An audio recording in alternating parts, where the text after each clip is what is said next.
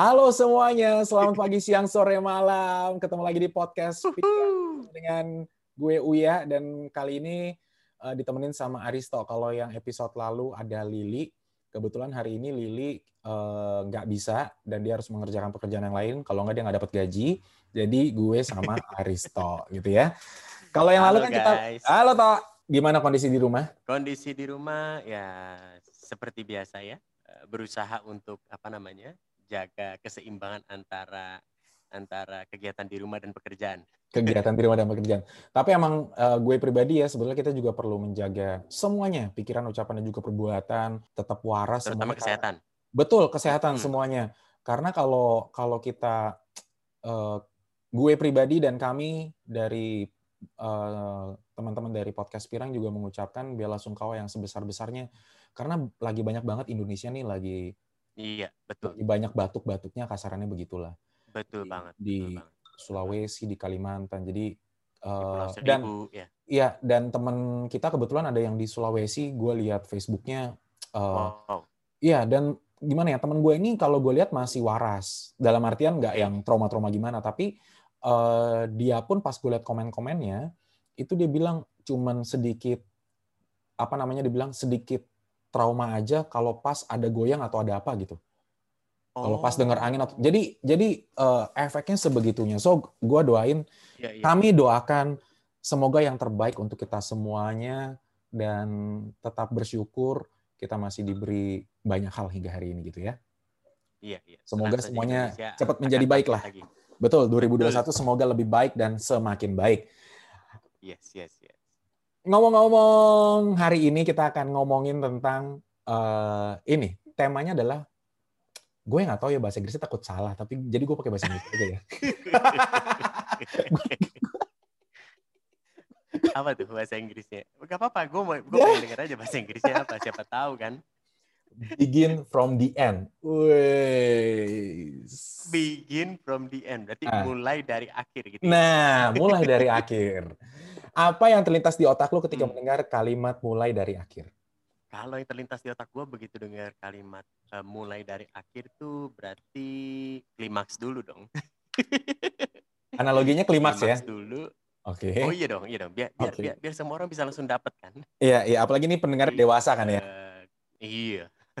Hmm, berarti antara klimaks atau gol dulu, terus baru barulah disusun apa namanya uh, ke awalnya apa yang harus dilakukan. Oke. Okay. Dari finish finish line-nya atau klimaksnya tuh apa? Inilah meskipun lo menggunakan uh, terms klimaks, uh, karena gue lihat konten Instagram lo. Oh, kenapa tuh? Silakan uh, teman-teman Instagram. cek Instagramnya Aristo. Sub ada satu postingan lo yang relate banget sama topik hari ini, That's why makanya lo harus ngomong tentang ini. Mana ya? Pokoknya ada intinya lu ngomong, Wah. lu harus setting goal dulu, Mm-mm. dan lu fokus sama tujuannya, barulah lu setting yes. caranya. Oh iya betul betul ada ada. Ada, ada kan? Ada ada betul. Ada kan? Meskipun gua tahu itu bukan betul. ciptaan lu karena itu sudah pasti sudah pernah ada yang ngomong, tapi itu menginspirasi gua karena gue lihat ada di uh, feeds lu. Betul banget. Kenapa lu posting itu at the first okay. di Instagram lu? Yes, yes. Emang lu lagi terinspirasi atas apa atau lu pengen ya, karena, apa sih sebetulnya? Iya iya iya iya betul betul. Gue jadi tahu nih, gue tahu postingan mana yang lu sebut nih ya. Kenapa gue posting itu? Karena itu berdasarkan pengalaman pribadi gue. Jadi itu sebenarnya gue pengen curhat aja, pengen curhat dan mana kali di luar sana ada yang ada yang merasakan hal yang sama dan bisa belajar sama-sama gitu. Mm -hmm. Jadi kenapa kita harus mulai dari tujuannya? Kita harus fokus ke tujuannya. Kadang-kadang kalau kita fokus dengan apa yang terlalu fokus ya, terlalu fokus mm -hmm. dengan apa yang kita kerjakan sekarang, nggak selesai-selesai bro. Pekerjaan nggak akan pernah selesai. Selalu hmm. ada yang mau dikerjakan. Pertanyaannya adalah, apakah pekerjaan-pekerjaan yang kita lakukan sekarang ini semakin mendekatkan kita ke tujuan? Ini yang gue pelajari beberapa tahun terakhir, beberapa waktu terakhir. Di mana gue sangat fokus dengan apa yang gue kerjakan. Tetapi hmm. kalau kita lihat pakai helikopter view, cie, kalau motivator kan bilangnya helikopter view ya. Yeah, kalau yeah. kita pakai helikopter view, ternyata apa yang gue kerjakan dengan sangat fokus ini tidak mendekatkan gue cukup dekat dengan tujuan akhir gue. Okay. Gue hanya gue hanya tenggelam dalam kesenangan mengerjakan apa yang gue kerjakan. Okay. Ya, jadi kuncinya itu tenggelam dalam kesenangan apa yang lu kerjakan sehingga okay. lu lupa tujuan akhirnya apa sih? Oke. Okay. Gitu. Karena ini gini, gua terinspirasi dari ini. Gua gua curhat masalah pribadi ya, Ci. Karena kan podcast boleh, harus urusan boleh, pribadi kan. Karena boleh nih ya, boleh curhat masalah pribadi boleh nih. Ya? Uh, nggak apa-apa, karena ini kita belajar case.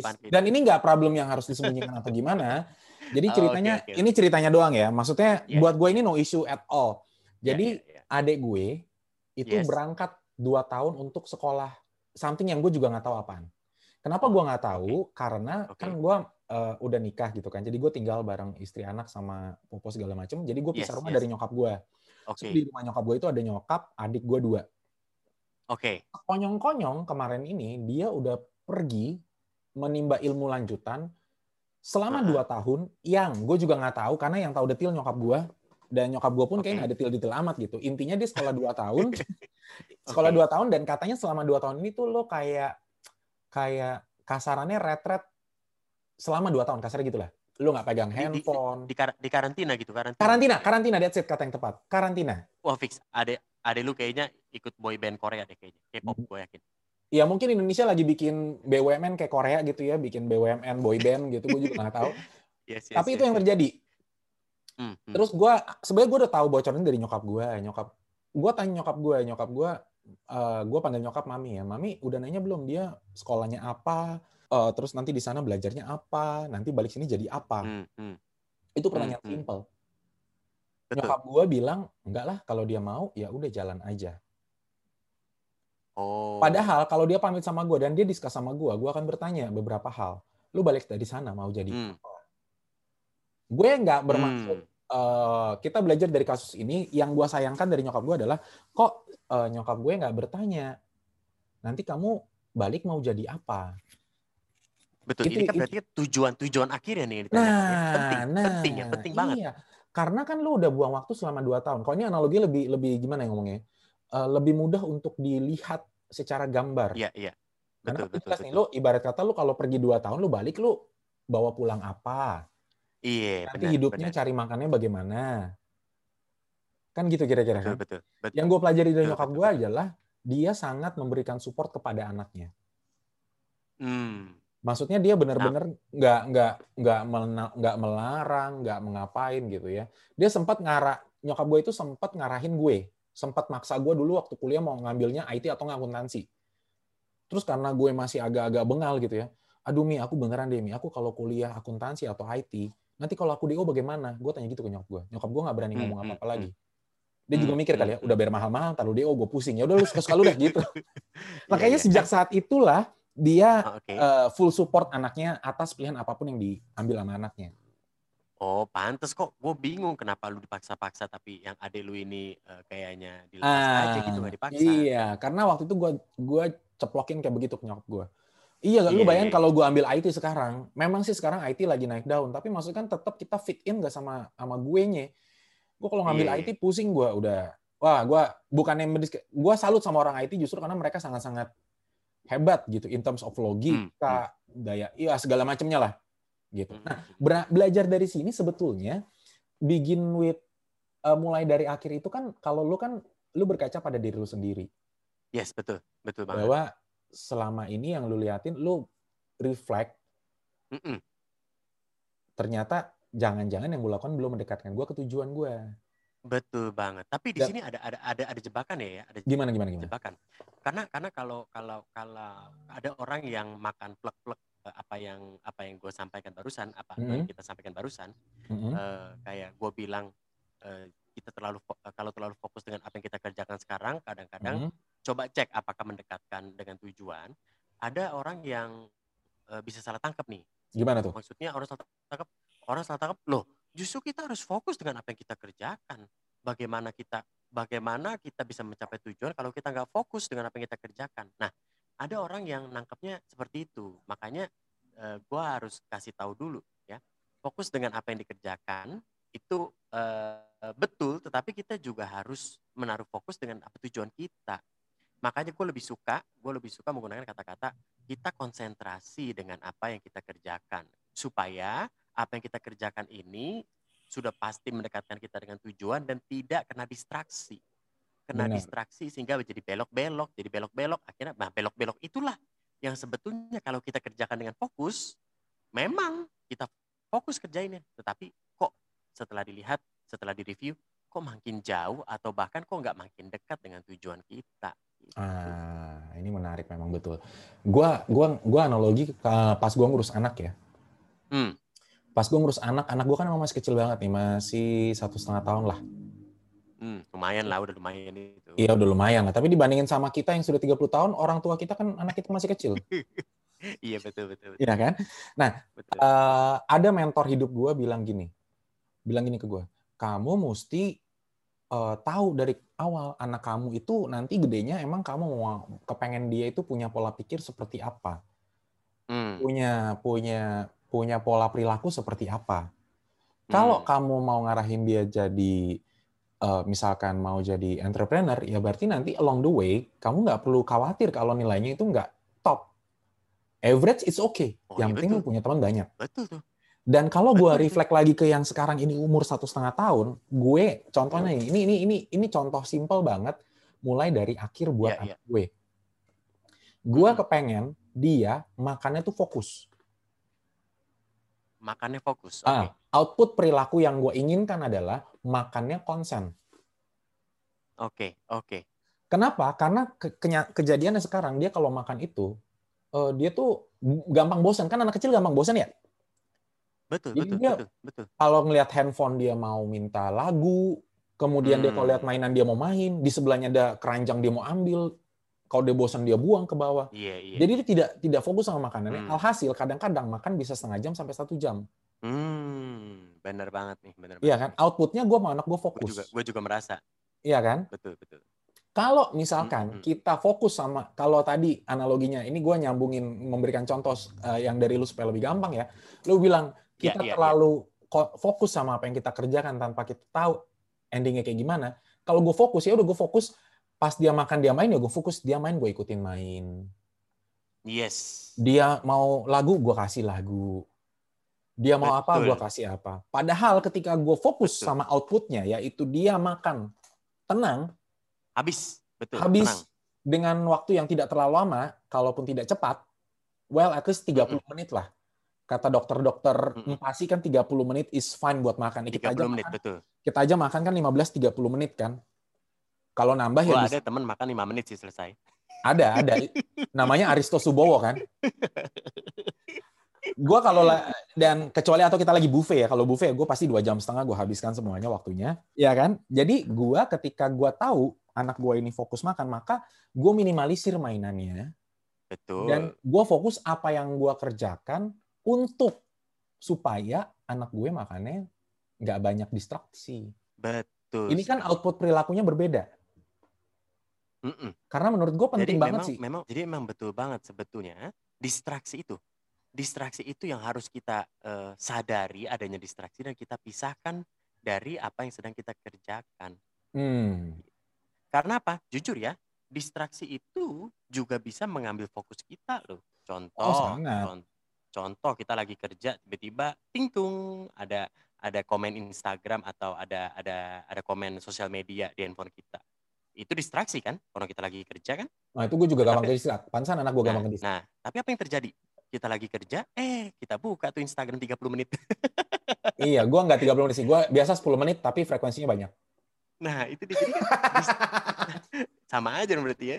iya. Jadi kan jadi kan distraksi itu sebetulnya juga bisa fokus. Tapi permasalahannya kalau lu fokus dengan distraksi, maka lu tidak akan semakin dekat dengan tujuan lu. Hmm. Karena mungkin lu nggak tahu tracknya ya. Betul. Lu out, dan, lo out of track dan, gitu ya. Betul dan dan kalau ditanya, gue fokus nggak? Fokus, gue main Instagram fokus 30 menit makanya. Nah benar. tapi kan yang terjadi. Tapi distraksi itu. Itu yang terjadi. Karena ini menurut gue penting banget berkaca sama adik gue ya. Gue gue sangat mm -hmm. mendukung apa pun yang keluarga gue lakukan. Dalam artian adalah gue tahu adik gue ini dua-duanya cowok dan mereka itu udah dewasa. Oke. Okay. Meskipun gue juga nggak terlibat secara langsung dalam perkembangan dan pembentukan pola pikir adik-adik gue, tapi gue asumsikan di usia mereka yang adik gue itu 20 ke atas semuanya, gue asumsikan mereka okay. itu sudah punya kedewasaan yang cukup berpikir sebagai orang dan laki-laki dewasa. Iya, iya. Sehingga lu udah boleh, sangat boleh untuk mengambil keputusan sendiri dengan syarat hmm. lu terima juga segala konsekuensinya. Hmm, betul, betul. Iya dong. Misalkan adik gue mau berangkat nih, karantina 2 tahun misalkan. Gue balas-balasan chat sama adik gue aja tuh, adik gue balasnya malam-malam doang atau bisa beberapa hari sekali baru balas. Saking karantinanya gitu loh. Saking oh, karantinanya. Fix, fix ini K-pop. Iya, makanya. Tapi poin gue adalah lo perlu perlu konsekuen atas uh, keputusan yang lo ambil. Nah, yes, tapi yes. tapi gue kan juga ngerasain jadi orang tua toh. Mm -mm. Gue jadi orang tua kan juga kepengen anak gue jadi A B C D E F G H I J K L M N. Bener banget. Betul yang kadang-kadang pas gue ngomong ke anak gue, ini gue berkaca ya, waktu kecil tuh gue sering dimarahin. Tadi gue liat postingan di Facebook lucu hmm. banget. Jadi ceritanya ada dua gambar orang dulu, orang dia tulisannya kira-kira kayak gini. Kita jam ini emang yang yang posting nih om gua ya. Jadi ini emang udah zamannya kolonial yeah, punya. Yeah. Kita iya, dulu yeah, takutnya sama, lucu banget. Ada gesper. Hmm. Ada yeah. pukulan ranjang tuh buat tepokan yang rotan ranjang.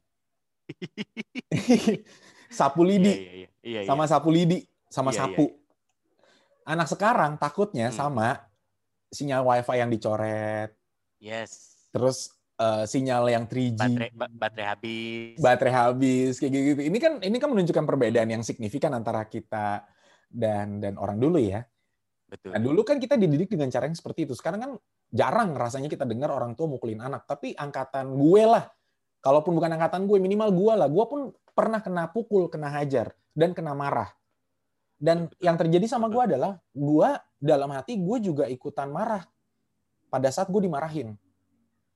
Hmm. Misalnya gue berperilaku, gue gua belajarnya malas-malesan nih waktu waktu gue sekolah dulu. Hmm. Nilai gue jelek, gue dimarahin. Hmm. Dan ketika gue dimarahin, gue juga balik marah. Yang gue butuhkan kan sebetulnya, lu ajarin gue dong. Gue suruh belajar sendiri ngafalin, pas ngafalin ditanya nama bokap gue aja salah, gue dipukul. Beneran gue. Jadi gue aneh gue sama bokap gue, papi. Bokap gue almarhum anyway ya. Jadi gue iya, bilang, yeah, yeah, yeah. E, papi, jangan sekali salah dipukul dong pi ya udah tiga hmm. kali salah papi pukul gitu ada toleransinya jadi toleransi bukan tidak mukul tapi tiga kali salah gue dipukul jadi tetap dipukul tetap dipukul ada, ada ada nyawa lu tiga hati ya ah ini kan bokap gue fokus sama apa yang dilakukan toh bukan fokus betul, sama golnya dan gue nggak dapet betul. pola itu mungkin kalau bokap gue kasih tahu ya kamu nanti kalau nilainya bagus nanti kamu dapat sekolah yang bagus kamu dapat sekolah hmm. bagus, kamu nyari kuliah, kamu nanti kan kamu akan melanjutkan pendidikan sampai kuliah. Ketika hmm. kuliahnya itu udah jalan, kamu bisa mengambil apa jurusan apa pun yang kamu mau. Efeknya apa? Karena nilai kamu bagus. Nilai kamu bagus. Efeknya apa? Nanti pas kamu bekerja, kalau kamu mau kerja, kamu gampang nyari kerja. Kamu mau usaha, kamu pun udah punya bekal ilmu yang cukup. Betul. Ketika gue dapat pola pikir itu, gue tahu oh nanti efeknya bakal begini ke depannya. Maka gue kan mungkin nggak nggak perlu dipukul. Mungkin gue akan berusaha dengan inisiatif gue sendiri. Hmm. Jadi mungkin banget. sekarang pun gue ke anak gue, gue berusaha untuk ya nggak mungkin juga anak umur satu setengah tahun gue pukul ya gue nggak tega banget juga gitu kan yang ada gue cium-cium gue pelok-pelok gitu tapi satu yang gue pelajari adalah gue berjanji dengan diri gue sendiri bahwa yang anak gue butuhkan adalah reason dan alasan kenapa dia begini nantinya akan jadi seperti apa. Yes. Sehingga gue nggak capek marah-marah dan gue nggak capek mukul-mukul.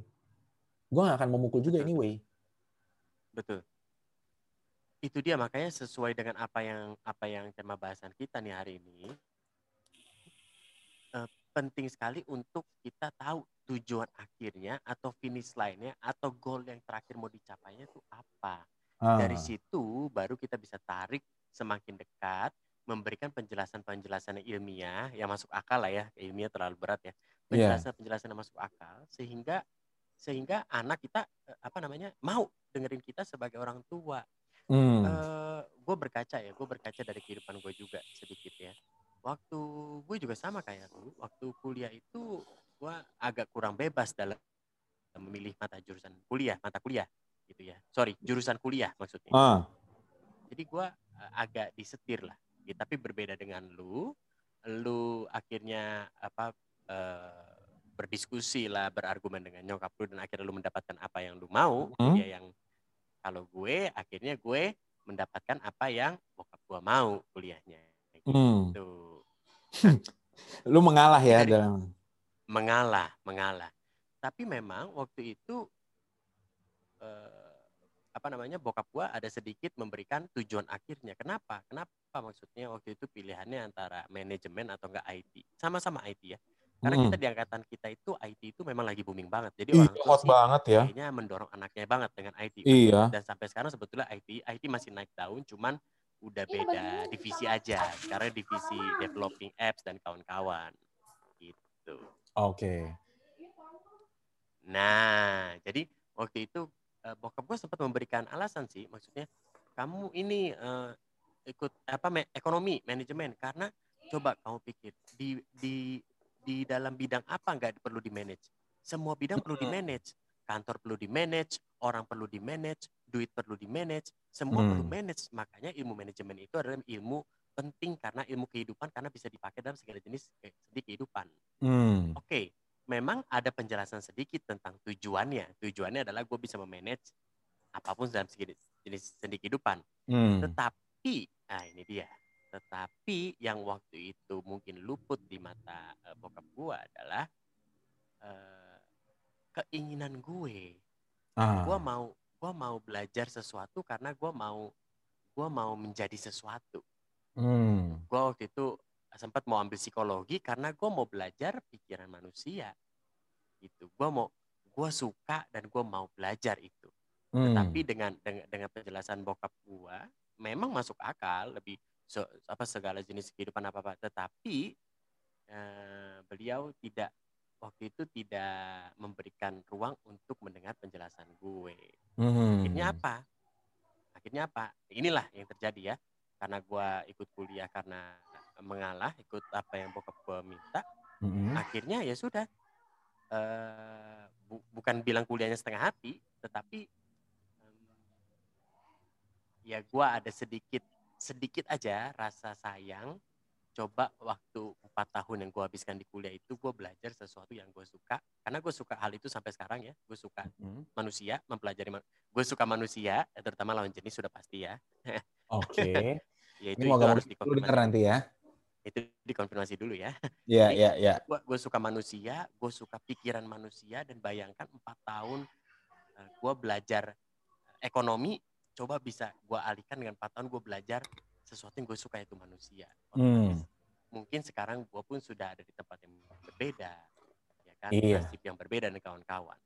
Gitu. Jadi penting banget untuk uh, memberikan penjelasan atau tujuan kasih tahu tujuannya apa, endingnya finish line-nya apa. Tetapi jangan lupa juga kasih juga alasan-alasan yang, nah ini dia, ini yang penting. Alasan-alasan yang uh, cocok atau tepat untuk anak kita. Hmm.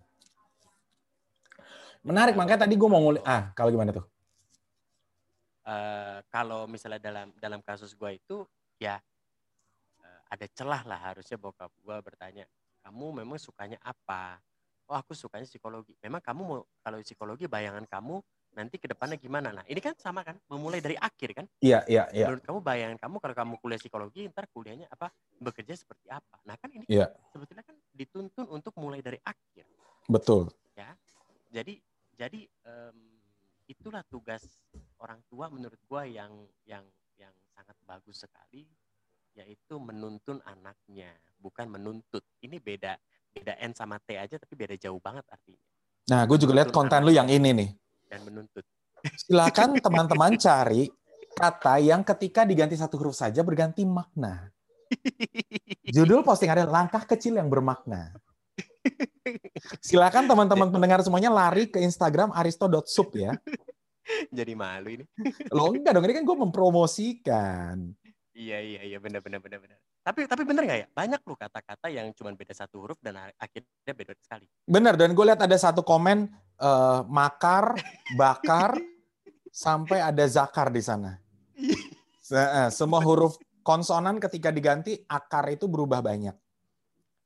Betul, hati-hati loh. Bisa dan artinya bisa berubah jadi yang aneh-aneh kan? Bener nih. B bakar, C cakar, nah. D dakar, uh, F fakar, uh, H nggak tahu gue hakar jakar J K L lakar M makar N hmm. nak nakar nggak ada nah.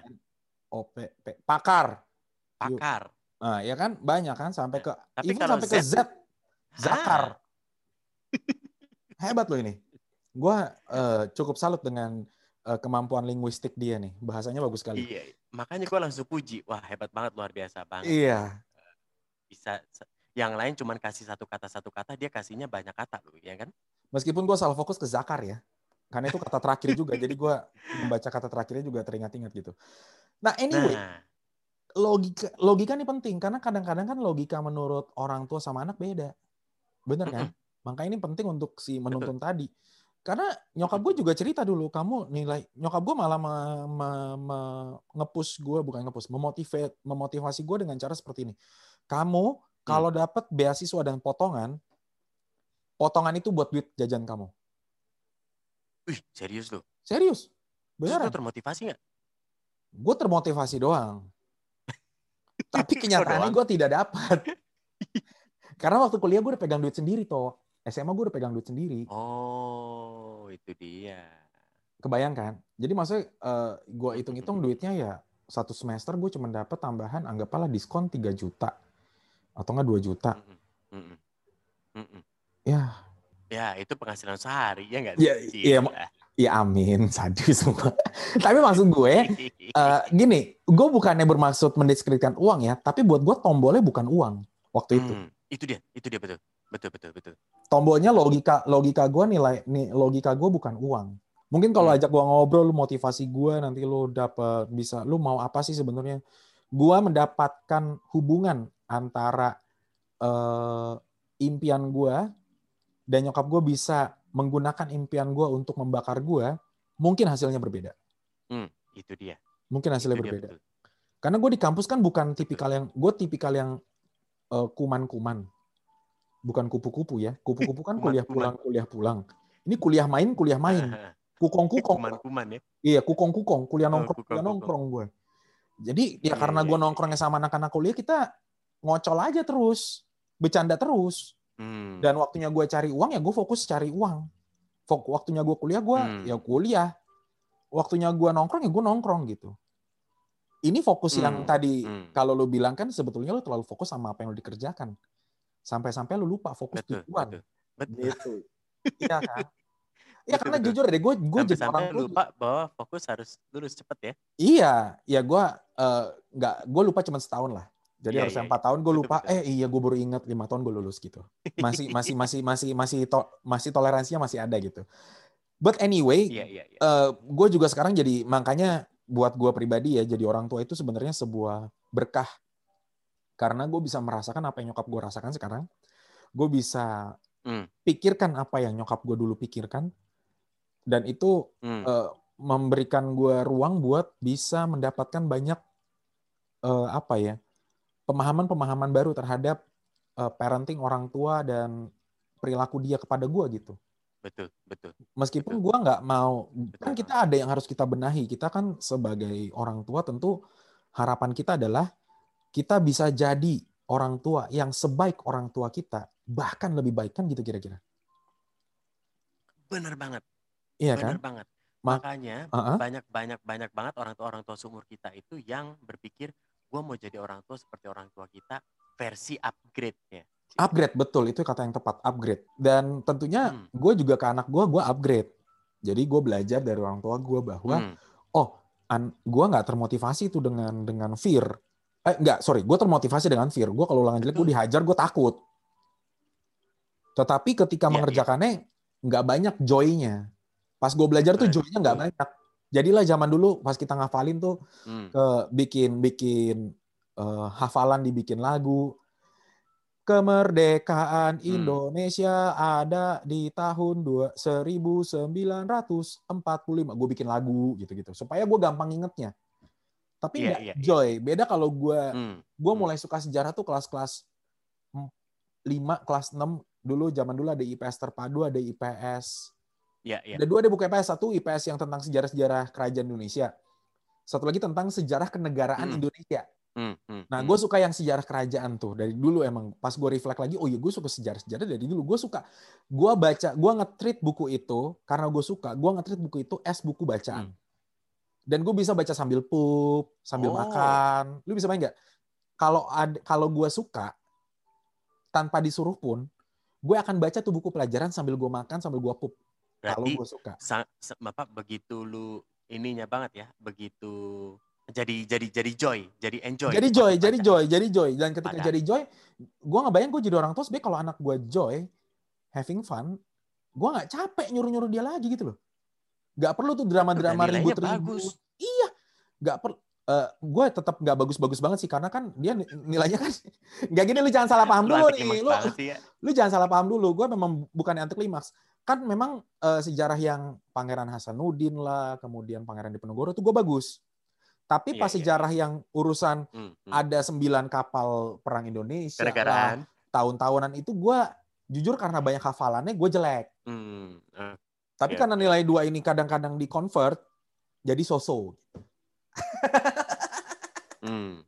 gitu. Iya, tapi iya, po- tapi kebantu poin ya. Ke- iya Kalau tapi orang poin- bilang dulu ke katrol, ke ke katrol. katrol ke katrol. Jadi poin gue adalah kalau pas gue jadi orang tua pun kalau betapa indahnya hidup gue sebagai orang tua kalau gue nggak perlu nuntut anak gue tentu kan banyak kita Hmm. orang gue orang tua nih udah pasti kasar gue bukannya bukan gimana ya gue bukan merasa lebih pintar daripada anak gue tetapi eh, kita lebih tua pengalaman kita lebih banyak pengetahuan kita lebih luas masa ya Mm-mm. gue nggak bisa dalam tanda petik ya dalam tanda petik nih quote unquote ngakalin hmm, anak hmm, gue sih hmm. Ngarahin anak gue Betul, sih betul. kenapa kok gue harus mengambil jalan kekerasan jalan barbar gitu ke anak gue kenapa gue gue menggunakan logika gue cara berpikir hmm. gue eh, kemampuan persuasi gue kemampuan komunikasi gue kemampuan kemampuan apalagi motivasi gue ke anak gue sendiri sehingga gue bisa ada memberikan menarik ya dari apa tuh Enggak, apa-apa. Lanjut. Sehingga bisa memberikan apa tuh? sehingga bisa gue memberikan gambaran yang jelas kepada anak gue bahwa apa pun yang lo lakukan itu sebetulnya lo punya goal lo. Lo kalau misalkan lo nanti mau jadi eh, let's say eh, mi anak gue mau misalkan ya dia mau naik sepeda sendiri. Ya tinggal gue ajak dia lah. Tuh lihat naik sepeda Hmm. seru ya. Iya seru ya. Gue tinggal menginjek Hmm. Gue tanya dia, seru nggak? Seru ya, Pik kayaknya. Oh iya seru ya, gue ajak lagi Hmm. dia naik sepeda. Gue kasih tontonan sepeda. Gue paparkan dia tentang sepeda. Maka gue nggak perlu paksa dia. Kamu cowok harus bisa semuanya. Pertama kamu harus bisa naik sepeda. Ayo papi ajarin. Gue nggak perlu gitu lagi. Nanti anak gue akan minta. Papi, papi, aku mau belajar Betul, naik betul. sepeda. Selesai. Betul, betul, betul. Gitu. Jadi itu kan gue menggunakan akal gue, eh, eh, kreativitas gue buat keluarga gue sendiri. Gue nggak perlu pakai buat yang lain-lain. Buat apa kita punya kreativitas? Gue ya, gue nggak gue nggak bilang kita. Tapi buat gue berpikir buat apa gue punya semuanya. Gue gue nggak punya semuanya, tapi minimal gue punya bekal lebih kreatif daripada anak gue. Gue punya karena gue usia lebih tua. Gue punya Yes, logika yes, yang lebih terasah. Mm-mm. Gue punya pengalaman lebih banyak. Gue punya kemampuan komunikasi yang lebih baik daripada anak gue. Yang mana anak gue juga sekarang masih belajar ngomong sama gue gitu kan. Jadi kenapa nggak gue pakai ini buat ngarahin anak gue? Alih-alih Yes, gue yes. karena kalau pas dia tahu nih endingnya Hmm. endingnya adalah garis akhirnya adalah dia bisa naik sepeda sendiri. Sehingga dia bisa main sama temennya misalkan sama koko koko siapa sama Yes. kakak kakak siapa dia have fun. Iya kan? Gue tinggal gue tinggal gabungkan unsur keterampilan pemahaman keriangan ke anak gue gue jadiin satu oke lu riang lo apa set jalan sana dia akan minta Hmm. sendiri naik sepeda sama gue tanpa gue harus paksa-paksa mungkin kalau dia beranjak besar lagi dia nanti mau jadi apa gue tinggal kita tinggal ajak ngobrol kita berikan pemahaman dan pemahaman ini menurut gue sih perlu fleksibel juga ya karena gue pribadi merasa gue ini sekarang cenderung untuk memaksakan pemahaman gue lagi belajar untuk lebih lentur Hmm. dalam menerima dan memahami anak gue lebih lanjut Oke, oke, oke. kalau gue memaksakan pemahaman ini sama-sama memberikan pemahaman tapi yang satu gue paksain isi otak gue ke dia yang satu lagi gue rangkul gue ajak dia di sebelah gue gue rangkul dia sehingga gue sama dia ngeliat hal yang sama. Pas dia mau ajak gue lihat ke kiri ya udah gue lihat ke kiri dulu. Oh Hmm. kamu lihatnya kayak gini. Nah coba kamu lihat punya papi sekarang. Punya papi kayak begini. So kita nggak banyak ribut-ribut nggak berhadap-hadapan dan kita nggak ngelihat apa-apa gitu. Itu yang gue pelajari dan gue akan Iya, coba iya. praktekkan buat anak gue sih hasil ngobrol sama lo ini. Hmm. Nah, tadi lu Iya, mau iya. komentar apa tuh? Ada satu komentar sebetulnya ini kunci penting sebetulnya kunci penting. kunci penting yang tadi sebetulnya lu sudah sebutkan, tetapi mm -hmm. mungkin ya mungkin saja uh, masih ada orang-orang di luar sana yang luput mm. tentang ini. Ya, tadi lu bilang bahwa kita sebagai orang tua lebih punya logika lebih terasa, ya. Terus sudah itu kreativitas lebih terasa, cara pandang lebih terasa. Oleh karena itu harusnya kita bisa menuntut anak kita lebih lebih baik lah gitu mm -hmm. ya lebih kreatif tidak dengan tidak dengan fear tidak dengan paksaan tidak mm. dengan apa namanya kekerasan tetapi mm. dengan tadi lu bilang naik sepeda lu lu lu timbulkan rasa riangnya gitu bukan mm. bukan di ayo dong kamu naik sepeda itu anak an anaknya si Om Budi udah bisa naik sepeda kamu belum bisa yeah, bukan dengan yeah, fear yeah. bukan bukan dengan tekanan tetapi dibuat riangnya gitu ya nah ada satu hal yang yang menarik banget yang tadi uh, satu ngomong gue tiba-tiba terlintas dan ini sebetulnya uh, sebetulnya kunci kunci yaitu hmm. sebagai orang tua meskipun sering kali kita uh, punya logika lebih terasah dan cara pandang yang lebih ke depan dan lebih maju hmm. tapi kadang-kadang kita lupa uh, menggunakan cara pandang sebagai anak hmm. saat kita menjadi berubah predikatnya menjadi orang tua begitu anak kita lahir pertama kali anak kita oek-oek lahir di rumah sakit entah kenapa ada satu ada satu cara pandang yang berubah oh sekarang gue orang tua sehingga ah. apa pun yang gue pikirkan, gue harus atas nama orang tua. Karena gue orang tua anak ini. Karena gue yang uh, bertanggung jawab atas anak ini. Jadi yeah, gue yeah. sekarang adalah orang tua. Padahal dia, uh, kita juga sebetulnya gue, lu dan kawan-kawan semua di luar, orang tua di luar sana. Sebetulnya kita juga punya cara pandang sebagai anak lo. Hmm. Karena kita pernah jadi anak lo.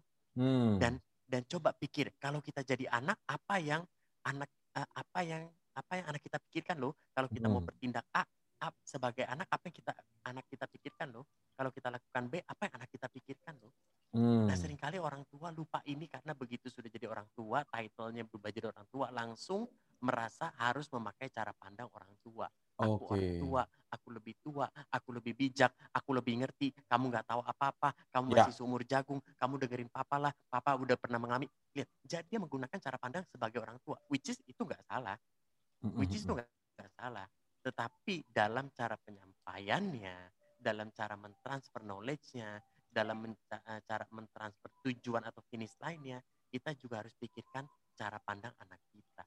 Sehingga hmm. apa? Nanti ketemu itu di tengah-tengah. Kita maunya apa, anak kita e, maunya apa, karena kita juga berpikir dengan cara pandang anak-anak sebagai anak, hmm. maka bisa ketemu itu jalur tengahnya, nggak pakai ribut-ribut. Iya, iya, iya menarik. Kita ketika pas anak kita oe-oe itu kita lupa jadi anak ya. Betul. Kayak mindset kita, pola pikir kita, skema pikir kita pas kita lihat anak kita, gue ini bapak lo gitu. Yes. Lu ikut lu ikut apa yang gue ngomong. Udah gitu. orang tua, gue bapak lo.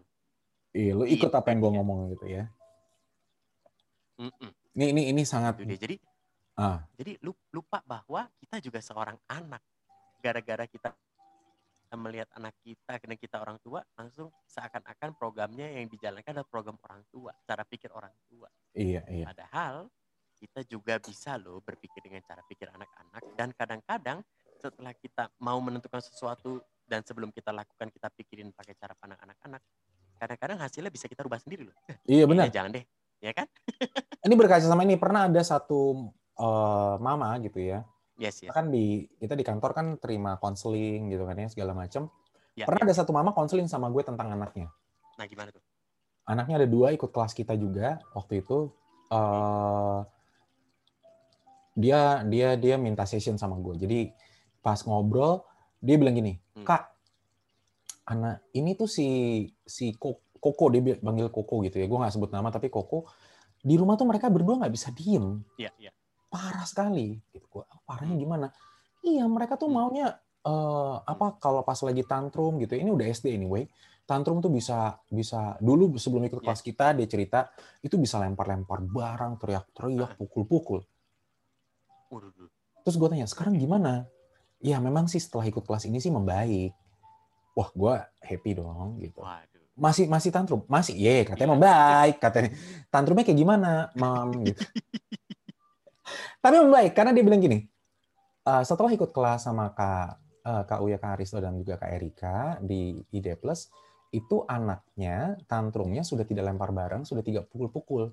Sekarang ketika dia lagi tantrum, anak SD masih bisa oh. masih masih masih masih burst gitu ya. Ibarat katanya SD gede pun masih burst. Yeah, Ini SD yeah. gede loh. Iya, iya. Yang dia lakukan ketika dia memuncratkan emosinya itu adalah sekarang dia loncat-loncat sendiri kayak ngentak-ngentakin kaki ke bumi gitu. Dak dak dak gitu. Iya, iya. Tetap teriak-teriak. Tapi udah nggak destruktif ngelemparin barang apa dan kawan-kawan gitu. Tapi dia menghentak-hentakan kakinya.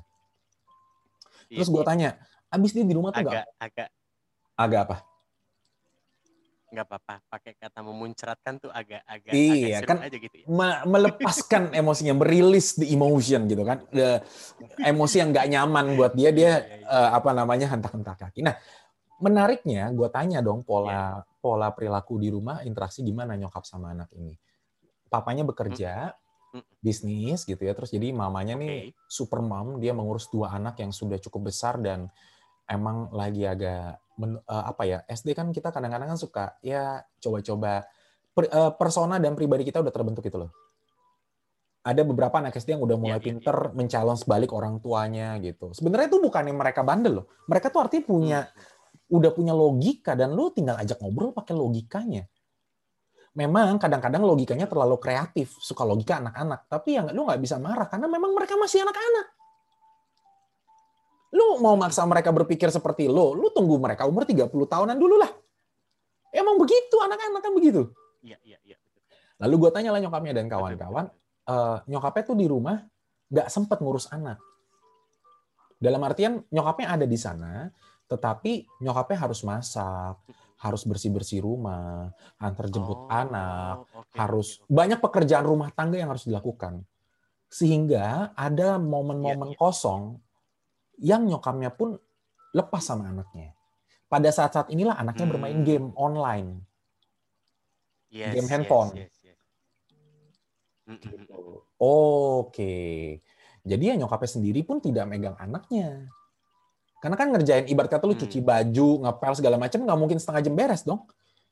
Lu meskipun masukin eh, baju ke mesin cuci misalnya satu jam segala macam, lu jemur, kemudian lu ngepel segala macam, minimal satu jam dua jam lu habis selama satu, habis itu lu masak hmm, lagi, persiapan segala macam. Satu jam lagi habis. Well, at least tiga jam lo habis waktunya, nggak bisa megang anak-anak. Hmm. Yang terjadi apa pada saat itu? Ya, ya, ya. Anaknya kan bingung mau ngapain, akhirnya anaknya main game. Nyokapnya ngomong nih, si mamnya ngomong sama hmm. gue, kak, saya tuh udah suruh mereka baca buku loh. Di rumah buku banyak, mereka bisa pilih. Sesekali mereka baca buku, akhirnya hmm. baca komik. Saya juga marah. Hmm. Poin gue adalah iya kan? Poin gue adalah kadang-kadang kak kita lupa gue gue berkaca gue bukannya gimana ya tapi kalau gue ngebayangin gue jadi anak anaknya nih terus uh, eh, gue kita dimarahin sama hmm. orang tua kita karena kita nggak tahu mau ngapain. Disuruh belajar obviously yes. jelas nggak ada bukannya nggak ada. Sangat sedikit manusia di muka bumi ini yang ketika kita disuruh udah lu sana nggak ada kerjaan kan belajar sana. Hanya segelintir orang yang mau melakukan yeah, belajar yeah. itu bener gak sebagian besar dari kita itu pasti kalau nggak ada kerjaan nonton Netflix lah. Kita aja yang udah gede, udah tua, lu malam-malam disuruh belajar yes. hal baru, belum tentu mau lu. Lu lebih milih main game, nonton Netflix, bener, bener, bener. baca novel dan kawan-kawan. Lu kalau misalnya kita, gue pribadi gue dikasih, betul, betul. nih ada jurnal ilmiah baca sono, gue belum tentu mau. Gila, lu mau ambil waktu istirahat gue lagi gitu. So kita lupa bahwa ketika dia ngomong itu ya, ya udah emang emang lu bayangin kalau gue jadi orang anak pun gue nggak akan kuat gitu untuk disuruh belajar. So inilah uh, wujud nyata dan cerita nyata bahwa beberapa dari uh, kita orang tua kadang-kadang lupa rasanya jadi anak. Hmm. Sehingga kita pun nggak bisa hmm. memahami apa jalan pikirnya. Apa sih maunya mama? Suruh aku belajar, orang lagi nggak ada apa-apa juga gitu. Padahal di di dalam dunia pikir orang tua, anaknya harus belajar kan gitu. Betul betul. Jadi di, di, di keluarga menurut gue juga karena isunya sekarang banyak konflik. Gue aja banyak konflik sama orang tua gue dan gue nggak mau konflik itu terjadi antara gue dan anak gue. Hmm. Itu sih kuncinya gue maunya ke sana. Hmm. Makanya si begin from the end ini banget, ya. kayaknya relate banget buat buat gua pribadi as a daddy, as a as a father gitu, as a ayah gitu. Bener, bener, bener. So itu dia tadi sebetulnya cerita lu itu juga salah satu contoh bahwa yang pertama uh, lupa berpikir cara pandang anak ya kan disuruh jangan main game tapi nggak tahu disuruh mau ngapain disuruh belajar ya pasti nggak mau anak-anak kan gitu ya. Iyalah. Nggak usah anak-anak kita orang dewasa juga nggak mau. Iya. Yang kedua seharusnya coba bisa dilihat dengan sesuai dengan topik kita begin with the end. Jadi mulai dari akhirnya. Akhirnya apa? Akhirnya kan kita mau misalnya anak kita e, bisa menghabiskan waktu dengan kegiatan berkualitas. Kan gitu kan? Jadi endingnya oh, misalnya itu ya kita baru barulah kita cari apa yang apa yang bisa anak kita lakukan dengan senang dan itu berkualitas. Betul. Nah, banyak orang tua yang uh, jujur gue sendiri juga masih sangat fokus kadang-kadang lupa dan fokus dengan apa yang anak gue kerjakan saat itu. Hmm. Tapi lupa dengan tujuan akhirnya seperti apa. Jadi kalau lihat anak misalnya lagi lagi apa namanya misalnya anak lagi nonton YouTube gitu ya kadang-kadang suka apa namanya uh, suka kayak ah jangan nonton YouTube kebanyakan atau apa apa nanti uh, matanya rusak apa dan kawan-kawan. Tapi lupa bahwa oke okay, kalau nggak nonton YouTube terus mau ngapain dong? Iya. Apa dong? Penggantinya apa dong? Betul. Ya kan? Anak kan belum bisa disuruh pikir nggak boleh nonton YouTube ya udah nonton apa? Nonton uh, Disney Hotstar ya sama aja bohong ini. Sama aja. Anak kan belum bisa pikir nih. Kalau betul kalau kesenangannya kita ambil dan kita mau ganti yang sesuatu yang berkualitas pastikan kita carikan apa itu yang lebih berkualitas dan menyenangkan juga buat anak. Jangan Betul. cuman ambil kesenangannya diganti sesuatu yang berkualitas. Anak bete lama-lama. Iya benar-benar. Ambil sesuatu yang berkesenangannya, ganti dengan yang berkualitas dan menyenangkan juga. Begitu. Kayak gue misalnya, wah misalnya nah, gue di rumah nih, anak gue kayaknya uh, nonton YouTube lama nih gitu ya. Maka gue stop YouTube-nya. Ayo, uh, uh, apa Arwan udah uh, nonton YouTube-nya. Ayo main sama papa. Papa mau makan uh, ayam goreng masakin papa nah udah main masak masakan ah nah jadi jadi saat gue menghentikan anak gue melakukan sesuatu gue tahu apa yang harus gue lakukan. Bukan hanya sekedar menghentikan karena kita nggak suka nonton YouTube. Tapi kita juga sebagai orang tua uh, berpikir anak kita kalau ditarik YouTube-nya tapi dia bete dia ngapain? Bosan nggak mau bobo energi masih banyak. Ya main ya mainnya gimana? Ya udah main berkualitas main sama bapaknya main sama gue lah. Main susun-susun barang, main tebak-tebakan, main petak umpet, ya main lah pokoknya. Tetapi hmm. Tujuannya tercapai, yaitu apa? Menghabiskan waktu dengan hal-hal yang berkualitas. Nah, berkualitas ya. di sini adalah membangun hubungan dengan anak gitu. Oh, Oke, okay. intinya ada kompensasi. Berikan kami kompensasi, kira-kira gitu ya. Betul. Iya kan atas atas segalanya.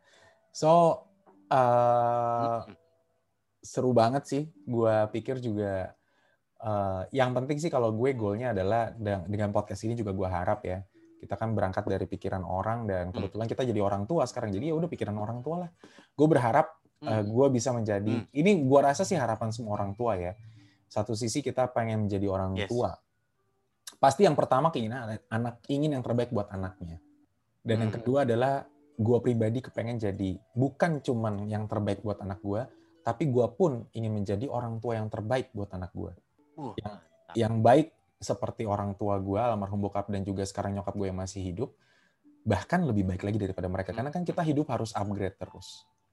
Gitu. Jadi buat hmm. uh, eh, gue pribadi gue dapat insight bahwa ya ketika gue ngobrol sama anak gue pun atau apa pun itu dari kecil pun uh, eh, gue akan membiasakan untuk memulai segalanya dari akhir. Dan ini pun jadi bahasan diskusi gue sama istri gue. Nanti kamu mau gede, anak kita mau jadi apa?